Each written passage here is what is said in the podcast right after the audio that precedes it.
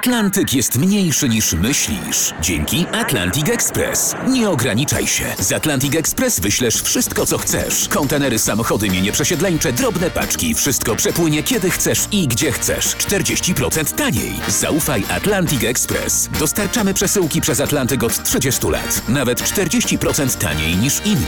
Dzwoń 1 800 775 73 63. Ekspresowo przez Atlantyk. Tylko z Atlantic Express. Mało kto dziś pamięta. Datownik historyczny prezentuje Maciej Korkuć.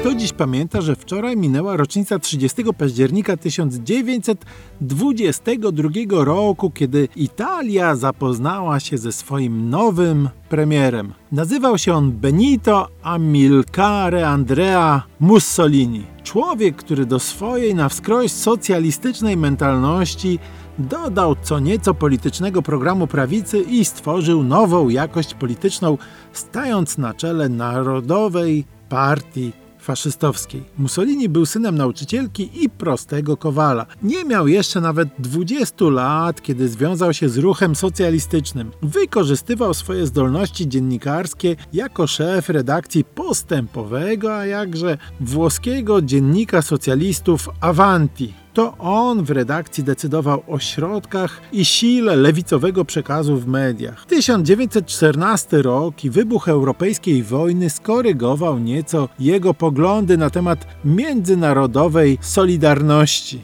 Wbrew internacjonalistycznym hasłom socjalistów, wielu znanych i szeregowych działaczy wówczas jednoznacznie opowiedziało się po stronie swoich krajów i wsparło hasła wojenne. Sam Mussolini został podoficerem włoskiej armii. Ranny, odesłany na tyły, przyłączył się w końcu do redakcji Ludu Italii, czyli Il Popolo d'Italia. Tam po wojnie szukali wsparcia zdemobilizowani już teraz bezrobotni kombatanci, którzy dopiero co przelewali krew za Italię i króla, a teraz w XIX roku byli pozostawieni sami sobie. Wtedy Mussolini do swoich socjalistycznych poglądów o możliwości zupełnie nowej organizacji społeczeństwa przy odrzuceniu Starego Świata postanowił dodać hasła odwołujące się do tego, o co ci kombatanci przecież walczyli na wojnie zaczął ich organizować i już w marcu 1919 roku stworzył pierwszą grupę Fascio Italiano di Combattimento, czyli włoskich związków kombatanckich. Umiejętne zagospodarowanie środowisk